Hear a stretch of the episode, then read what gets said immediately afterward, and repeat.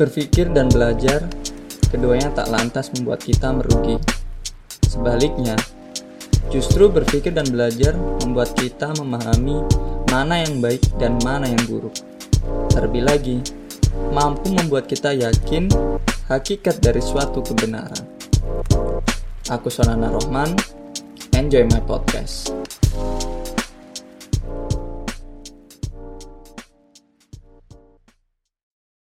Kembali lagi di podcast Sonana Rohman. Bareng aku di sini Sona. Ya, aku sendiri. Dan kali ini aku akan ngebahas tentang keresahanku terhadap satu hal dan aku ingin beropini terhadap keresahanku itu. Uh, ya pasti setiap manusia punya lah keresahan ya dan ingin disampaikan dan ya inilah aku yang akan menyampaikan keresahanku tersebut kayak gitu. Tapi sebelumnya uh, barangkali nanti teman-teman di tengah penjelasanku gitu kan ketika mendengarkan ini ya dan merasa apaan sih ini? Nggak penting banget gitu kan. Ya udah bisa skip aja langsung aja cabut gitu kan. Tapi bagi teman-teman yang masih kepo dan tertarik ya ya dengerilah sampai habis kayak gitu siapa tahu juga bermanfaat kalaupun tidak bermanfaat aku berterima kasih sekali karena sudah berkenan mendengarkan ini semua sampai habis kayak gitu oke biar nggak terlalu panjang aku mau ngebahas tentang yang namanya volunteerism and education. Jadi ngebahas tentang pendidikan, ya volunteerisme dan pendidikan ya. Tapi sebenarnya payungnya itu adalah pendidikan kayak gitu. Which is my concern. Karena aku tertarik udah lama banget tentang dunia pendidikan dan kebetulan ada yang aku resahkan tentang pendidikan saat ini kayak gitu di ya di tengah masa pandemi kayak gini. Udah jelas di pandemi ini kita sedang menghadapi krisis besar kayak gitu. Dan apa ya? Uh, kita itu lagi dikerumuni, bukan lagi dikerumuni sih sebenarnya. Tapi emang udah lagi dihantam banget uh, dengan tiga krisis besar gitu.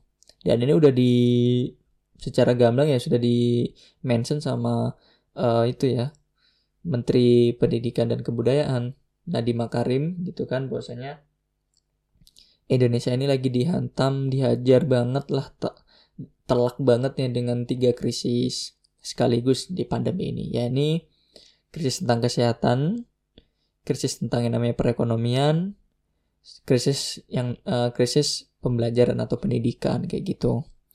Aku nggak mau bahas tentang yang namanya pendidikan, eh sorry, nggak mau ngebahas tentang krisis kesehatan dan perekonomian, tapi yang menjadi uh, concernku adalah aku ngebahas tentang yang namanya pendidikan gitu loh karena aku merasa ini ya adalah keresahan beberapa keresahan yang notabene emang uh mengkhawatirkan tapi nggak asal aku ngomongin keresahanku atau beropini tentang keresahanku aja ya.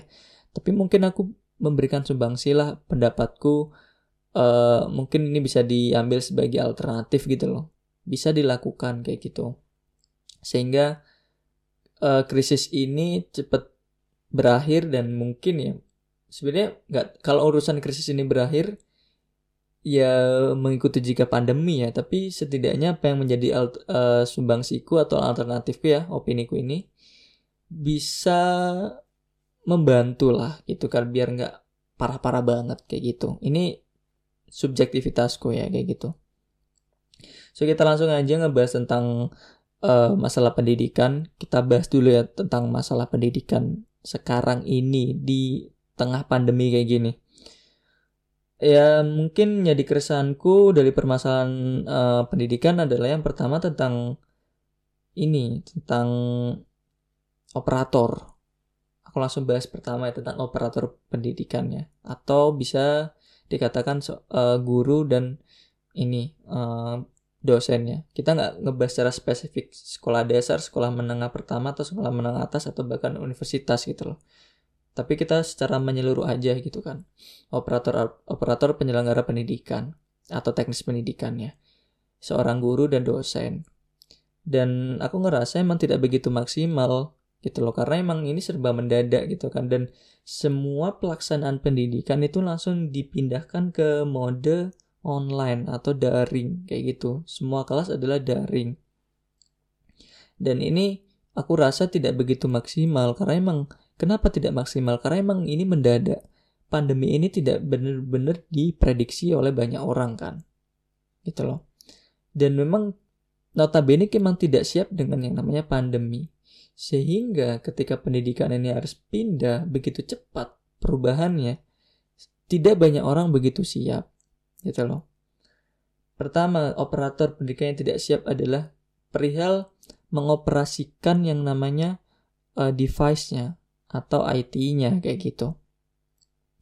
Karena memang tidak dipersiapkan sebelumnya uh, skill tentang mengoperasikan. Ya mungkin untuk guru-guru muda, dosen-dosen muda yang notabene uh, apa ya dalam beradaptasi tentang pembelajaran ini mungkin relatif begitu cepat ya. Tapi bagi kalangan-kalangan yang udah tua gitu kan, udah renta kayak gitu, proses belajar mereka terhadap perubahan ini kan cenderung relatif lebih lamban kayak gitu. Sehingga ketika lamban gitu kan, berarti kualitas mengajarnya gitu kan, kan nggak maksimal sehingga itu berdampak kepada penyerapan materi siswa.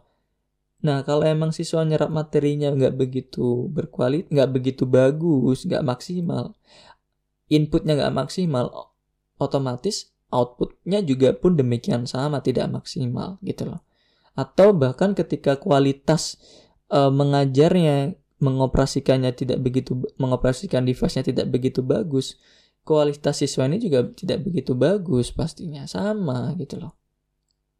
Karena ya ini tersinkron. Siswa juga berhubungan langsung dengan guru. Nah guru kalau nggak begitu ya mungkin bebannya banyak ya di guru atau dosen gitu kan tentang ini semua gitu loh. Karena emang bertanggung jawab gitu kan dalam uh, pencapaian suatu materi yang ada di uh, kelas atau pembelajaran gitu loh. Tanggung jawabnya luar biasa gitu kan. Kalau emang si guru dan si dosen ini tidak begitu maksimal banget gitu kan dalam mengoperasikan dan menyampaikan uh, pelajarannya atau target-target pembelajaran, ya si siswa juga tidak begitu maksimal menyerapnya dan outputnya atau hasil pembelajaran juga tidak bisa diekspektasikan begitu bagus, kayak gitu. Selain daripada itu juga apa ya? Uh, aku berpikir metode ngajar yang ada di kelas laring atau offline itu kan tidak bisa serta merta seenaknya uh, semena-mena di apa yang diterapkan di kelas online. Karena emang nuansanya berbeda gitu loh. Tidak bisa serta-merta langsung ditumpukan aja gitu kan di kelas online. Tidak bisa gitu kan. Harus ada proses pematangan terlebih dahulu uh, secara metode gitu kan yang cocok untuk kelas offline atau daring. Gitu ya. Jadi emang tidak bisa disamakan. Tidak bisa digeneralisasikan. Karena kalau di kelas offline atau lari gitu kan, ada direct interaction between a teacher and student gitu. Ada direct interaction. Sehingga apa ya, kalau face to face secara langsung itu kan ada personal engagement yang muncul begitu besar. Gitu loh. Nah, sementara ketika kelas of uh, online gitu direct interaction ini tidak interaksi ada tapi directnya tidak ada. Engagementnya kurang kayak gitu. Mungkin siswa bisa menyerap materi tapi secara moral adab gitu kan. Yang menjadi salah satu tujuan uh, apa pendidikan itu mungkin kurang tercapai. Kurang tercapai dan tidak begitu maksimal. Siswa mungkin bisa jadi pintar tapi tidak tahu dengan adabnya tidak tahu dengan moralnya gitu kan? Karena emang susah sekali untuk mengontrol itu semua. Pembela pembelajaran jarak jauh itu juga harus melibatkan banyak orang karena tidak begitu maksimalnya kan. Uh, kalau mengandalkan uh, apa pengajar gitu kan untuk mengkontrol siswanya. Harus melibatkan orang tua juga atau eh, orang-orang uh, terdekat dari si siswa untuk mengkontrol gitu kan. Siswa ini benar-benar belajar kayak gitu khususnya orang tua gitu kan khususnya orang tua Nah, kalau untuk tataran mahasiswa tanpa harus di apa ya dikontrol oleh, oleh orang tua, mungkin tetap bisa belajar ya gitu kan. Nah, sementara bagaimana yang uh, anak SD ini gitu kan? Pasti susah kalau dia harus mandiri kan. Makanya itu butuh melibatkan banyak orang nih. Nah, masalahnya adalah ketika orang tua atau orang-orang terdekat tidak bisa mengkontrol kalau memang harus berurusan dengan kerjaan karena ya kita ada krisis ekonomi sehingga mau tidak mau orang tua juga harus ekstra keras untuk belajar karena mungkin ada beberapa orang tua yang kehilangan pekerjaan, dirumahkan gitu kan, tidak bisa bekerja. Mau nggak mau harus cari kerjaan yang lain gitu kan. Nah, itu juga memicu atau mengorbankan waktu gitu kan uh, dengan anak untuk mengkontrol. Sehingga ya tidak ada kontrol di situ juga parah. Dan ini juga tidak melulu tentang uh, masyarakat yang ada di kota-kota besar tapi juga terjadi di kota-kota atau di desa, desa terpencil kayak itu atau pelosok-pelosok daerah gitu kan. Nah ini ngomongin soal ngajar ya gimana ya? Mereka aja untuk urusan fasilitas gitu kan. Untuk koneksi internet juga agak susah kan gitu loh. Terus perihal apa? Yang namanya listrik juga agak susah gitu loh. Jadi boro-boro untuk ngomongin metode gitu kan. Orang apa? Yang namanya koneksi internet nggak ada gimana? Meskipun dia punya uh, laptop. Masih meskipun guru dan siswa punya laptop uh, guru punya smartphone siswa juga smartphone tapi kalau nggak ada koneksi internet juga parah kan. Gimana proses pembelajaran bisa berlangsung di situ? Susah juga pasti. Nah selebihnya juga perihal kurikulum gitu. Kurikulum ya syukur alhamdulillah untuk sekarang ya tapi untuk awal-awal kemarin kan uh, mungkin sempet sempet goyah juga kan. Artinya tidak bisa kurikulum yang biasa diterapkan di online gitu kan, kelas online. Susah juga kan pasti untuk menyerapnya. Ditambah lagi tentang kuota. Ya, kuota itu juga menjadi itu ya apa kemarin digaungkan oleh uh, masyarakat gitu kan. Aduh gitu kan. Udah bayar UKT uh, eh, kalau UKT awal-awal dulu tidak ada relaksasi, sekarang ada relaksasi alhamdulillah gitu kan. Tapi ya kayaknya sama aja sih. UKT uh, lebih ringan tapi krisis ekonomi gitu kan kehilangan pekerjaan sama aja berat gitu kan. Karena mayoritas juga kalau urusan keluarganya dalam uh, ranah ekonomi ke atas mungkin nggak masalah ya. Tapi kayaknya ekonomi atas pun juga masih terkena dampak pandemi gitu loh. Dari dari sisi perekonomian. Apalagi yang uh, keluarganya dari kalangan ekonomi menengah ke bawah gitu kan untuk menyediakan fasilitas gitu kan untuk yang namanya mengkontrol anaknya untuk uh, tetap belajar juga agak susah. Untuk yang namanya kuota beli pulsa itu juga pasti susah gitu kan. Susah aspek aspek apa pun itu susah gitu kan di pendidikan. Sementara pendidikan kita tahu sendiri adalah the most powerful weapon to change the world gitu kan. Tapi masalah kalau pendidikannya kurang maksimal, buruk gitu kan bahkan gimana bisa change the world gitu kan. Ya ini bukan change the world gitu loh malah broken the world gitu kan broke the world nah ini agak repot juga gitu loh. Tapi aku percaya pemerintah juga udah berusaha secara maksimal mungkin untuk uh, membuat apa ya kehancuran ke, kehancuran generasi itu tidak begitu besar ya gitu loh. Uh, pemerintah juga udah berusaha gitu kan uh, menurut berita gitu kan dana bos gitu kan udah benar-benar langsung diterima oleh itu kan apa kepala sekolah. Sehingga kepala sekolah bisa memprioritaskan uh, mana yang harus uh, dilakukan ketika mana yang harus di apa ya diadakan gitu kan ketika pandemi kayak gini. Kalau semisal memang IT gitu kan fasilitas ya langsung kan. Kalau semisal tentang uh, seminar untuk guru gitu kan tentang pengoperasian uh, apa device gitu kan untuk kelas online bisa langsung kan uh, menggunakan dana bos atau bahkan uh, untuk subsidi-subsidi tertentu ya yang sifatnya untuk menunjang uh, apa pembelajaran daring kayak gitu. Nah, pemerintah juga udah. Nah, sekarang baru baru-baru ini juga pemerintah udah melaksanakan uh, sorry, udah ngebantu ya. Artinya siswa ada juga yang uh, direlaksasi UKT-nya gitu kan.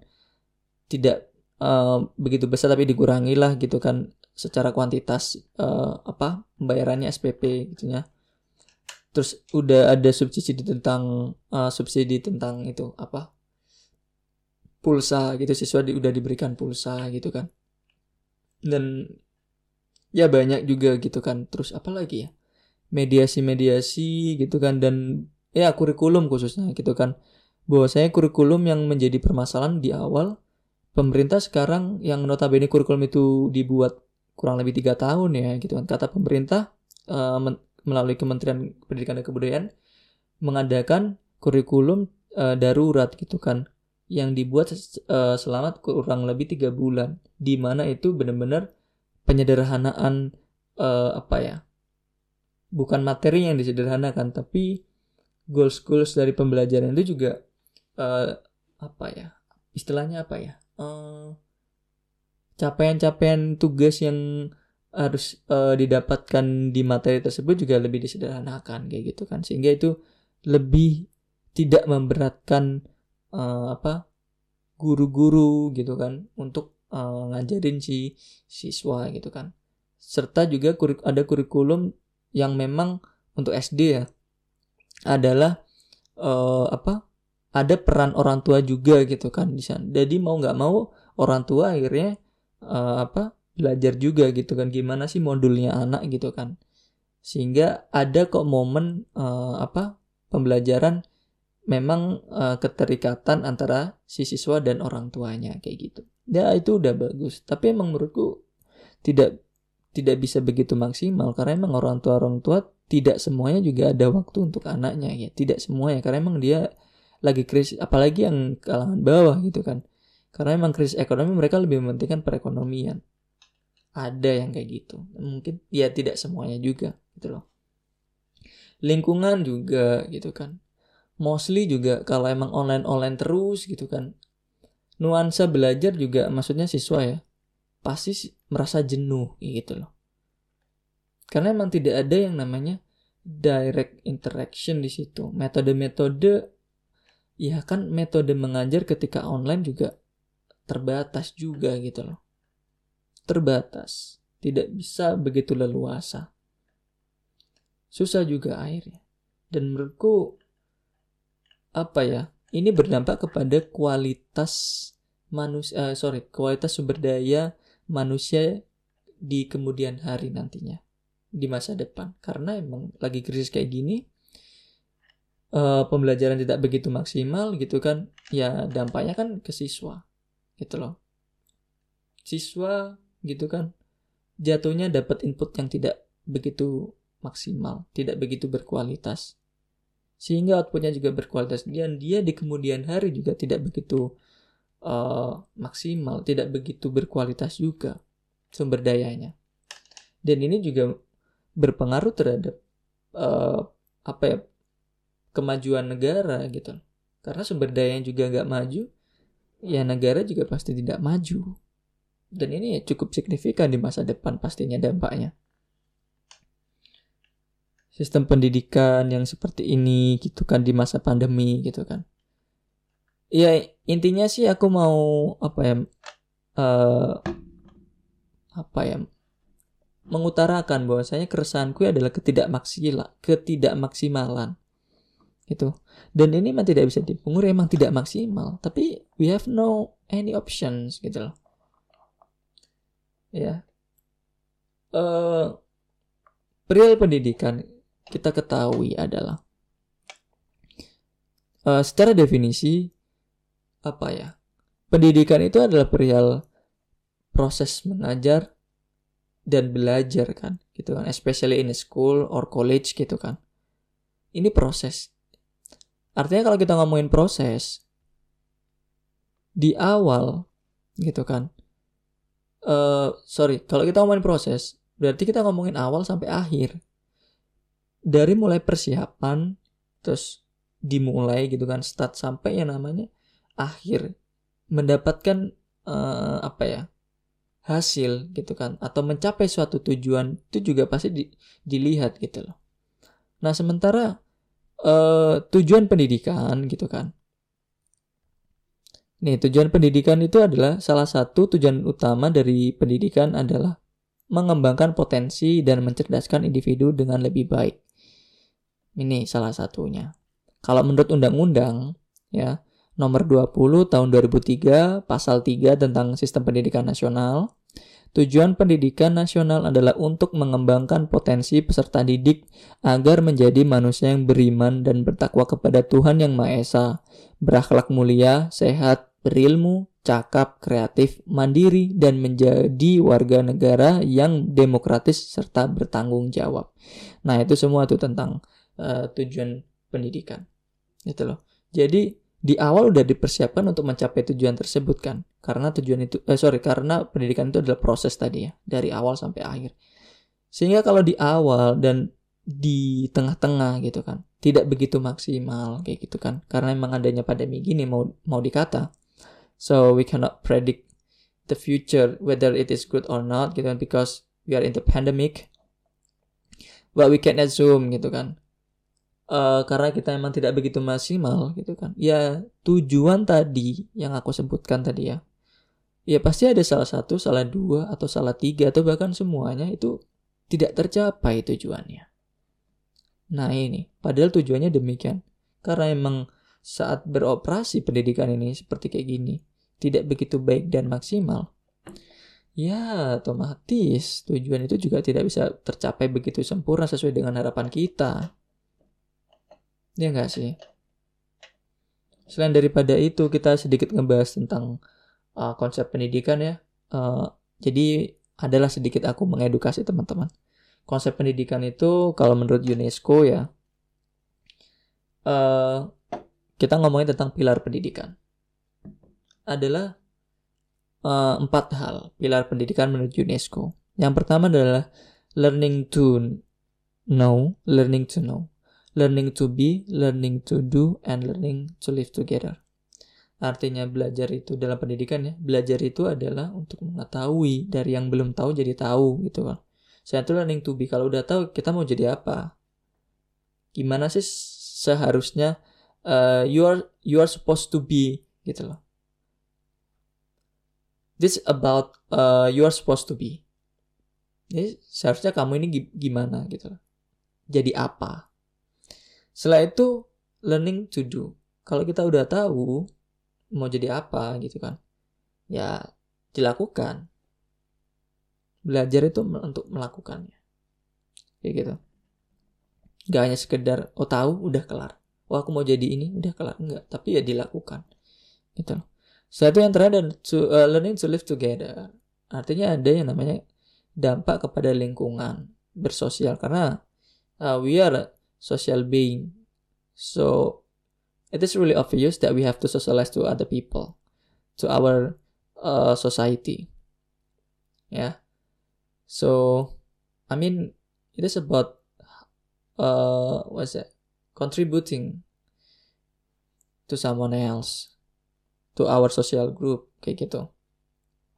Karena kita hidup berdampingan kan dengan manusia-manusia yang lain. Jadi apa yang kita pelajari juga kembali ke mereka-mereka semua, kepada kita-kita ini juga gitu. Nah, kalau kembali lagi kita tarik permasalahan yang ada. Uh, ketidakmaksimalan proses pendidikan ini. Bagaimana kita bisa hidup berdampingan juga gitu. Karena ada saat ini eh, orang-orang uh, itu yang memikirkan dirinya sendiri. Aduh aku lagi lagi krisis, lagi apa ya? uh, ya lagi-lagi ada masalah gitu kan kok aku ngomongin orang lain gitu kan kok aku uh, apa fokus kepada orang lain gitu kan. Repot gitu kan. Karena di tengah permasalahan kayak gini itu orang cenderung pandemi kayak gini orang cenderung untuk isolate gitu loh. Mengisolasi diri gitu. Artinya think of themselves gitu kan. Kepada dirinya sendiri aja. Dan menurut hematku, ketika krisis kayak gini kita emang seharusnya gotong royong, seharusnya kita berpikir untuk bersama-sama malahan, saling membantu kayak gitu.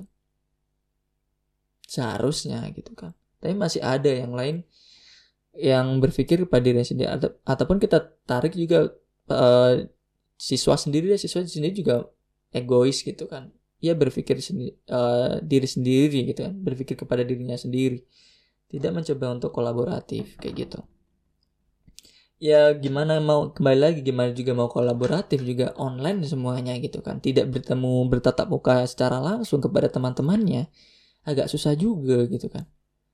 Ya serba complicated deh gitu kan. Selain daripada itu ya konsep uh, pendidikan ini versinya Paul, uh, Paulo Freire gitu kan seorang filsuf dari Brasil pendidikan itu selainnya uh, tiga titik yang terbang uh, yang membentuk suatu segitiga. Nah tiga titik ini tiga tiga titik utama lah ya gitu kan yang harus bersinergi sehingga membentuk segitiga gitu kan adalah siswa, guru, serta realitas dunia kayak gitu. Jadi intinya sih menurut beliau siswa ini ya harus terkoneksi dengan yang namanya guru, terkoneksi juga dengan yang namanya realitas dunia. Pun demikian guru terkoneksi dengan siswanya dan realitas dunianya. Artinya siswa ini selayaknya emang jangan hanya belajar teori-teori aja, tapi emang tentang praktek bagaimana sih dunia ini gitu loh. Dan wajib juga seorang guru mengajarkan apa sih yang ada di realita dunia ini gitu loh. Kalau saya misal realita dunia ada lagi pandemi kayak gini ya setidaknya emang siswa ini di-influence. So I mean that teacher uh, needs to influence uh, was it, uh, their student gitu kan. Tentang uh, bagaimana sih seharusnya ketika di pandemi kayak gini gitu. Mungkin bisa diajarkan hal, -hal berupa yang namanya uh, critical thinking kayak gitu. Terus bagaimana cara berpikir kreatif. Atau bahkan diajarkan tentang uh, problem solving kayak gitu. Hari ini lebih sol lebih solutif sih gitu kan. Sehingga ketika mereka apa ya uh, melihat realita dunia so everything is is right gitu kan. Everything is under control. Everything is everything goes well. Gitu. Karena mereka udah dibekali di uh, bukan di sekolah ya dibekali di pendidikan mereka di pandemi kayak gini. Oleh gurunya gitu loh. Oleh dosennya gitu kan. Seperti itu. Dan uh, apa ya permasalahan-permasalahan yang ada ini cukup kompleks dan memang nggak menurutku nggak bisa untuk apa ya satu dua atau beberapa apa sekelompok orang segelintir orang untuk menyelesaikannya. Atau bahkan mengandalkan yang namanya pemerintah untuk menyelesaikannya. Dan menjadi yang selain daripada masalah pendidikan uh, yang aku resahkan adalah selanjutnya yang aku resahkan adalah pemerintah juga gitu loh. Meskipun aku rasa pemerintah juga udah berusaha untuk cukup keras karena emang pemerintah juga lagi bingung juga bukan bingung sih ya repot lah ibaratnya karena karena pandemi kayak gini kan gitu. Ya setidaknya emang kebijakan-kebijakan itu haruslah gitu kan yang yang terjadi ya haruslah memang benar-benar bukan membahagiakan atau menyenangkan banyak orang juga sih. Susah juga untuk menyenangkan banyak orang. Karena pemerintah menurutku tugasnya bukan menyenangkan banyak orang. Tapi tugas pemerintah itu adalah melakukan yang terbaik gitu kan. Terbaik bukan berarti menyenangkan juga sih. Artinya haruslah ada yang terbaik-terbaik lagi gitu kan. Aku di ranah ini sorry to say tidak bisa memberikan so tidak memberikan suatu sumbangsi atau alternatif lah ya kepada pemerintah harus ngapain. Karena aku minim pengetahuan tentang yang namanya government atau perpolitikan kayak gitu. Tapi menurutku ya haruslah berusaha lebih keras lagi pemerintah untuk memberikan suatu hal gitu kan kebijakan-kebijakan ataupun apa pun gitu kan. Yang sifatnya juga uh, pendidikan ini konsennya pendidikan ya. Pendidikan ini tuh tidak tidak ter meskipun tidak lebih baik ya tapi seenggaknya itu tidak lebih buruk. Itu aja sih. Itu aja. Mungkin lebih digencarkan lagi guru-gurunya ini untuk terupgrade lah ilmunya. Terus siswa-siswanya juga apa ya tidak hanya melalui guru tapi ada apa gitu kan yang lebih di-upgrade lagi kayak gitu. Mungkin ya diarahkan gitu kan. Ataupun orang tua orang tua juga di-upgrade lagi untuk bisa uh, apa ya meng encourage anaknya untuk lebih terupgrade lagi. Ataupun tidak hanya orang tua tapi ya masyarakat masyarakat yang lain juga edu diedukasi gitu kan. Sehingga uh, berharap untuk masyarakat itu nginfluence ke siswa-siswa itu atau para para pelajar gitu loh. Untuk lebih giat belajar lagi. Kayak gitu sih mungkin. Mungkin ya. Nah yang selanjutnya aku resahkan selain daripada kondisi pendidikan yang lagi kayak gini tidak begitu maksimal. Bukan bukan jelek ya tapi tidak begitu maksimal untuk dijalankan. Terus tentang pemerintah. Adalah tentang ya para pelajar tentang eh, yang aku rasakan juga masyarakat adalah seperti ini adalah blaming government gitu loh. Playing the victim. Seolah-olah apa ya terdakwanya ini adalah pemerintah gitu apa ini uh, judge pemerintah banget government gitu loh. Kayak gini kayak gitu. Artinya kayak seolah-olah yang seolah-olah yang salah itu ya pemerintah aja gitu loh. Ingat gitu kan kita memang aku bukan pro tidak secara gamblang menyatakan aku pro pemerintah ya dalam kondisi kayak gini dan menyalahkan masyarakat tidak gitu. Tapi bagi masyarakat-masyarakat yang menyalahkan pemerintah itu loh, menurutku udahlah nggak usah nyalain pemerintah kayak gitu. Karena juga pemerintah kondisinya lagi kayak gini, semua semua itu nggak ada yang memprediksi tentang pandemi ini gitu loh. Jadi menurutku udah uh, bukan berarti berpikir secara individu tapi ya berangkat dari diri sendiri dulu gitu loh. Atau berangkat dari lingkungan yang terkecil dulu gitu loh. Bahwasanya kita emang harus uh, apa berusaha untuk seenggaknya tidak menjadi beban pemerintah lah gitu kan dalam urusan pendidikannya dan tidak menyalahkan pemerintah stop gitu kan uh, apa uh, menyalahkan pemerintah udah stop gitu kan nggak ada gunanya juga gitu loh. Menurutku ya. Ya mungkin suara kita pasti didengar juga kan. Tapi kondisi kayak gini loh masalahnya. Ya udah kita memang doing something gitu kan yang memang bisa memajukan diri kita bisa memajukan uh, apa ya ini omongnya pendidikannya memajukan diri kita bahkan memajukan uh, apa ya orang-orang sekitar kita atau bahkan pelajar-pelajar yang lain Nah, maka dari ini aku membahas tentang volunteerism. Kayak gitu. Ini bukan solusi. Tapi ini mungkin perlu kita semua sadari tentang volunteerism agar ini setidaknya menjadi alternatif. Biar pendidikan kita gitu kan orang-orang sekitar kita yang lagi belajar itu ya tidak semakin kesusahan. Jadi aku benar-benar mengencourage teman-teman untuk aware banget tentang volunteerism. Kita sedikit membahas tentang definisi dulu ya, tentang volunteerism. Volunteerism is the practice of providing time and skills for the benefit of other people and causes rather than for financial benefits. Kayak gitu. Nah, maksudnya adalah di sini adalah suatu praktek atau kegiatan atau usaha gitu kan di mana kita menyediakan waktu kita, kemampuan kita, tenaga kita, pikiran kita gitu kan untuk suatu manfaat orang lain, manfaat sekelompok orang gitu kan. Uh, dan tidak berpikir tentang yang namanya uh, feedback gitu kan, imbalan dalam artian di sini uang kayak gitu atau ya finansial gitu kan materi tapi kita secara sukarela gitu kan meluangkan waktu kita gitu kan menyediakan waktu kita tenaga kita pikiran kita gitu kan kemampuan kita untuk kemaslahatan umat. Untuk menjadi bermanfaat bagi orang lain. Kayak gitu. Ya ibaratnya kita secara secara mudahnya kita katakan menolong orang lain tanpa pamrih. Udah gitu doang sih. Ya itu yang itu makna dari volunteerism gitu loh. Dan volunteerism adalah basic expression of humans relationship gitu. Jadi apa ya? Ekspresi yang mendasar tentang hubungan manusia. Kalau kita ngomongin hubungan manusia, itu hubungan manusia dengan Tuhan, manusia dengan manusia yang lain, kayak gitu. Kalau manusia dengan Tuhan artinya spiritualism ya kayak gitu. Kembali lagi gitu kan. Di volunteerism ada yang namanya esensi kepada Tuhan gitu kan. Pun demikian di pendidikan yang aku bilang tadi di tujuan kan. Aku mention lagi ya tentang tujuan. Tujuan pendidikan menurut undang-undang tadi adalah untuk mengembangkan potensi peserta didik agar menjadi manusia yang beriman dan bertakwa kepada Tuhan Yang Maha Esa.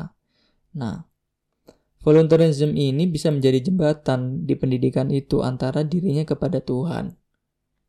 Bisa, sangat bisa sekali. Sehingga eh, itu kan tujuan. Sehingga ketika ada volunteerism di sini, maksudnya kita membantu orang lain, dia ada hubungan dengan yang namanya Tuhan ya nanti. It, di mana itu menjadi tujuan dari pendidikan. Bisa tercapai gitu. Karena kalau memang apa ya pendidikan itu kita kesampingkan dulu sedikit tentang volunteerism kalau semisal pendidikan itu berjalannya tidak begitu maksimal tidak begitu bagus ada salah satu salah dua atau bahkan semua dari tujuan tujuan pendidikan tersebut tidak tercapai kan Makanya biar biar itu semua tercapai tetap tercapai banyak hal yang kita lakukan harus untuk untuk itu semua. Salah satunya juga bisa volunteerism. Jadi kita semua yang notabene mungkin kita tidak berada di lingkungan pendidikan, tapi kita selainnya aware dengan pendidikan gitu. Sehingga kita membantu orang-orang yang belajar tadi, siswa-siswa tadi, mahasiswa-mahasiswa tadi gitu kan. Ya kan? Untuk ya mengedukasi atau enggak kalau kita nggak bisa mengedukasi mereka, mengajar mereka gitu kan. Kita influence mereka untuk tetap mereka mereka untuk tetap belajar gitu influence mereka untuk tetap belajar terus terus bahkan dikawal. Kayak gitu. So I guess uh, if you cannot educate them teach them. So at least we try to guide them. I mean uh, provide the way. The way. So they can learn from uh, that way jadi mereka bisa belajar dari jalan yang kita tunjukkan tadi that we show to them. Selain daripada ngomongin tentang Tuhan, relationship kepada Tuhan tentang volunteerism tadi adalah uh, hubungan manusia dengan manusia. Kita ketahui hubungan manusia itu ada tiga, ya kan? Uh, kalau di uh, Islam sendiri adalah kalau kita ngomongin relation atau ukuah ya, ukuah Islamia, ukuah uh, apa? Basyariah atau in, insania dan ukuah watonia kayak gitu. Meskipun kita tidak mengenal dia, tapi kita sama-sama umat beragama, pasti ada sense untuk ingin membantu kan. Ya, di volunteerism itulah gitu kan. Volunteerism kita membantu. Itu. Ketika ada unsur membantu kita volunteerism, tapi itu sebenarnya adalah rasa persaudaraan kita. Kita sama-sama orang Islam wajib lah gitu kan. Umat umat beragama gitu kan wajib uh, berilmu kayak gitu berilmu dan beradab juga kalau kita nggak bisa oke okay. kalau kita nggak bisa ngajarin mereka tentang sains kayak gitu ya kita ajarin mereka tentang moral kita ajarin mereka tentang adab biar nggak luntur karena kita tahu ketika belajar atau kelas online itu esensi dari uh, nilai-nilai moral gitu kan adab itu kan sedikit sekali gitu kan muncul gitu kan. Sehingga ketika hampa akan yang namanya adab atau moral karena udah terbiasa dengan online itu cukup mengkhawatirkan gitu loh. Siswa pinter tapi nggak ada moralnya juga sama aja. Artinya kepintarannya itu mungkin bisa dijadikan hal yang sesat gitu kan. Diarahkan ke hal yang sesat. Dijadikan hal yang negatif akhirnya so kita perlu untuk mendidik itu kita perlu nginfluence uh, si siswa ini si mahasiswa ini untuk lebih punya adab lagi, lebih punya yang namanya moral lagi. Ya melalui volunteerism kita membantu dia secara sukarela tanpa berpikir yang namanya feedback kayak gitu. Karena ini demi pendidikan, demi generasi di masa depan.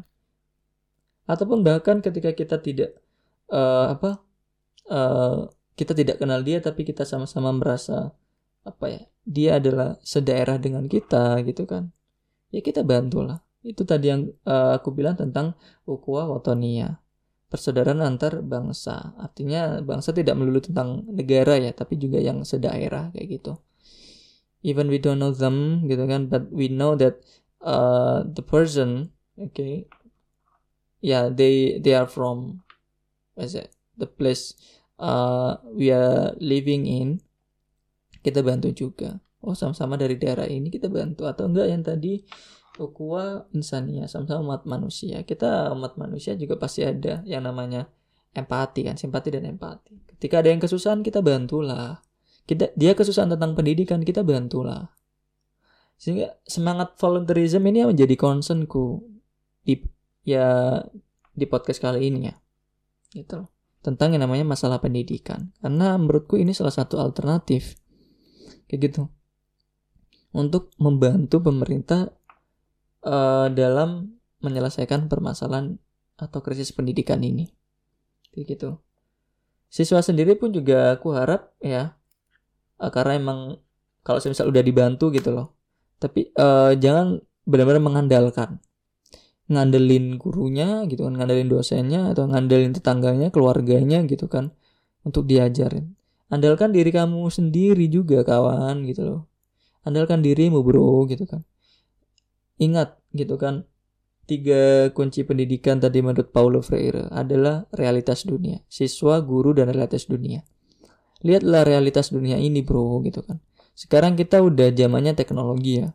Karena di era pandemi ini kita mostly uh, menggunakan yang namanya teknologi, internet kayak gitu. Dan laptop dan HP kayak gitu kan. Maka dari itu perkaya dirimu pengetahuan tentang yang namanya IT tersebut, teknologi tersebut gitu loh. Jangan mengandalkan yang namanya uh, guru, dosen atau enggak keluarga atau orang-orang terdekat. Atau jangan beralasan, cari-cari alasan misalnya aduh aku nggak bisa mengoperasikan Zoom, aduh nggak bisa mengoperasikan Google Meet, aduh aku nggak bisa mengoperasikan ini dan sebagainya, sehingga tidak belajar. Itu menjadi dalil gitu kan bahwasanya kalian tidak belajar karena tidak bisa mengoperasikan. No, gitu kan. Berusaha untuk belajar, berusaha untuk ya tentang IT itu karena emang mau nggak mau kita menggunakan alat itu ya. Atau bahkan yang lagi di pelosok gitu kan ya karena emang keterbatasan koneksi internet listrik jangan hanya mengandalkan itu mintalah untuk yang namanya diajarin datang ke orang yang kalian percayai uh, apa ya cukup mumpuni untuk mengajari kalian kayak gitu. Siapa pun itu. Kalaupun yang SD mungkin agak susah ya karena memang dia belum ada kedewasaan berpikir akalnya memang belum terlalu matang gitu kan. Jadi emang harus kita banget untuk anak-anak SD anak-anak kecil lah ya, ya yang lagi belajar emang kita harus aware banget untuk uh, bersedia ngajarin mereka kayak gitu meskipun dia udah maksimal untuk yang namanya belajar dengan orang tuanya dengan gurunya tapi nggak apa-apa kita ajarin aja ini ngajarin itu tapi ngajarinnya jangan asal juga ya yang sesuai dengan konteksnya lah kayak gitu jangan juga uh, anak SD diajarin yang hal, -hal yang kayak anak kuliahan ya mereka pasti belum mengerti juga kan gitu loh tapi ya sesuai dengan konteks mereka seperti apa. Kita ajarin kayak gitu. Hal-hal yang sederhana aja. So artinya we need to uh, moving gitu kan. Kita harus shifting lah gitu kan melihat realitas dunia. Tapi jangan tergantung juga gitu. Artinya kalau realitas dunianya adalah teknologi ya oke okay, kita harus belajar teknologi. Tapi kalau memang tidak ada teknologi atau tidak tidak bisa karena fasilitas ya karena lagi di daerah gitu kan kurangnya teknologi gitu kan ya udah cari uh, sumber pembelajaran yang lain tidak hanya mengandalkan sekolah tidak hanya mengandalkan orang tua atau orang-orang terdekat. Bergeraklah maju kayak gitu. Oke itulah uh, semangat volunteerism yang benar-benar ditekankan ya di era pandemi ini. Sambil kita uh, apa ya juga mengikuti arahan-arahan dari pemerintah, mengikuti arahan-arahan dari sekolah kita, dari kampus kita, kayak gitu. Tapi jangan jangan blaming mereka, jangan apa ya seenak jidat gitu segampangnya gitu kan. Apa sih ini pemerintah? Apa sih ini sekolah? Nggak bajus banget. Apa sih ini kampus? Nggak bajus banget. Gini banget sih kayak gitu kan. Kok malah nyusah nyusahin aku gitu. Janganlah kayak berpikir kayak gitu. Nah positive thinking positive thinking. Dan jangan apa ya kalau aku berpikir sih jangan juga terlalu berespektasi tinggi terhadap mereka gitu loh. Artinya ekspektasi ya biasa-biasa aja dan andalkan diri diri sendiri kayak gitu untuk getol banget belajar belajar dan belajar sumber belajar sekarang luar biasa banget gitu kan ya kalau kalian misalnya gini aduh aku nggak mau membebani orang tua untuk beli uh, pulsa kuota internet kayak gitu. Oke okay lah gitu kan. Kalau kalian emang nggak ada koneksi internet, berarti emang cari sumber pengetahuan yang lain, perkaya diri kalian gitu loh. Nah, itu untuk diri kalian. Dan sementara untuk yang lain gitu kan masyarakat-masyarakat lain ayolah kita bahu membahu edukasi mereka. Hal yang sederhana mungkin gini kalau kalian nggak bisa ngajarin mereka adalah kalian bentuk aja apa gitu kan kelompok belajar kayak gitu. Terus kalian uh, apa ya teman-teman kalian yang terdekat gitu kan ajak untuk ngajarin mereka yang mumpuni yang bisa gitu loh teman-teman yang bisa ngajar kalian ajak untuk ngajarin anak-anak kecil gitu. Tapi uh, itu ya mengikuti protokol kesehatan yang ada ya tetap ya. Atau kalau enggak uh, kalian bisa edit video kalian bikin konten mungkin gitu kan. Upload di YouTube upload di platform sosial media kalian gitu kan. Untuk mengedukasi. Jadi intinya di sini aku mau encourage gitu kan. Aku memang punya keresahan gitu kan. Tapi aku juga punya suatu alternatif. Dan aku pengen ini juga membumi gitu loh kita sama-sama mengedukasi. Tidak harus edukasi yang wah gitu. Edukasi yang sederhana aja gitu kan. Uh, yang mana menstimulus tentang akal-akal mereka yang lebih berkembang lebih bijaksana dan serta uh, perilaku moral dan adab mereka juga distimulus juga yang diedukasi gitu loh. Diberikan pengertian. Biar seimbang antara yang namanya pengetahuan moral mereka atau adab mereka. Seperti itu. Edukasi apa pun bisa tentang yang namanya fisika, uh, apalagi ya. Untuk yang pengetahuan umum ya, fisika, matematika gitu kan, psikologi dan lain sebagainya bisa gitu kan. Banyak kok platform di YouTube gitu kan. Ya mungkin kita sedikit uh, amati gitu kan dan modifikasi aja gitu kan dari platform tersebut dan mengedukasi kepada yang lain. Kita bisa kutip-kutip yang lain gitu kan. Terus kita sampaikan ke para pelajar-pelajar itu. Jadi itu yang mungkin menjadi hal yang bisa aku sampaikan di sini. Gitu kan. Ya ini tidak terlalu panjang. Tapi emang aku mengharapkan teman-teman untuk aware banget tentang volunteerism. Artinya ayo kita secara sukarela membantu gitu loh. Nggak usah menunggu dia atau para pelajar itu atau orang lain itu untuk yang namanya minta bantuan. Tapi kita tawarkan kamu butuh apa? Oke aku bantu nih. Kayak gitu. Kalaupun kita tidak bisa membantu bentuknya macam ya membantu gitu kan. Ya bisa dari uh, tenaga kita untuk ngajarin mereka gitu kan. Kita memberikan ide misalnya tentang wawasan tentang metode belajar seperti apa dan lain sebagainya pelajaran apa gitu kan atau bahkan kita bisa membantu mereka dalam bentuk donasi. Artinya kalau kita mengetahui gitu kan ada orang yang nggak bisa belajar karena terkena dampak pandemi ini gitu kan kita bantu gitu kan. Kita sisihkan uang kita untuk membantu dia agar dia bisa belajar gitu kan beli pulsa gitu kan. Ada juga ya loh yang kalau nggak salah berita itu kemarin ada anak yang nggak punya handphone kan orang tuanya juga nggak punya handphone karena emang dalam uh, dari golongan kelas ekonomi ke bawah kan.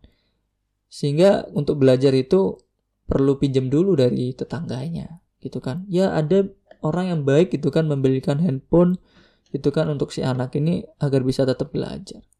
Ya kayak gitulah.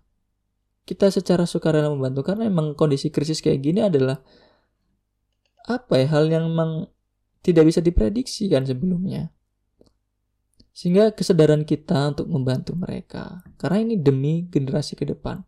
Karena kalau generasi muda itu berkualitas, kemajuan negara juga pasti perkembangan negara juga pasti luar biasa kan. Karena SDM kita luar biasa. Kita udah terkenal dengan sumber daya alamnya gitu. Dan terkenal juga sumber dayanya manusianya ya kayak gini gitu kan. Maksudnya kurang. Ayo kita lah di momen ini kita semangat untuk menjadi relawan untuk membantu mereka gitu kan. Orang-orang yang belajar ini dan termasuk diri kita yang belajar kita perkaya juga gitu kan. Agar bisa kita saling uh, mengedukasi satu sama lain sehingga kita sedikit lebih baik dari konteks uh, akal dan juga tentang hati gitu kan serta konteks sosial kita juga semakin baik. Meskipun kita sedikit ada batasan physical distancing nggak kita nggak bisa bertatap muka tapi at least uh, jiwa sosial kita tidak tergerus kayak gitu. Di momen ini ya kita sama-sama lebih uh, apa ya bahu membahu saling apa ya membantu lah gitu kan agar uh, keilmuan kita, agar hati kita, spiritual kita, serta sosial kita semakin lebih baik. Bekerja sama, gitu kan. Saling mengedukasi diri sendiri dulu, saya tuh mengedukasi orang lain. Itu ya. Jadi jangan edukasi diri, diri sendiri, jangan egois, tapi juga akhirnya ke orang lain juga, mengedukasi orang lain. Sehingga semuanya juga teredukasi. Kayak gitu. Tidak pilih-pilih juga. Well, itu aja dari aku yang bisa aku sampaikan. Kurang lebihnya aku mohon maaf. Terima kasih udah dengerin. Semangat untuk volunteerism. Semangat untuk menjadi lebih baik. Semoga permasalahan pendidikan di Indonesia ini di tengah pandemi ini benar-benar berakhir dan kita menjadi negara yang lebih baik. Itu aja dari aku, kurang lebihnya mohon maaf dan bye.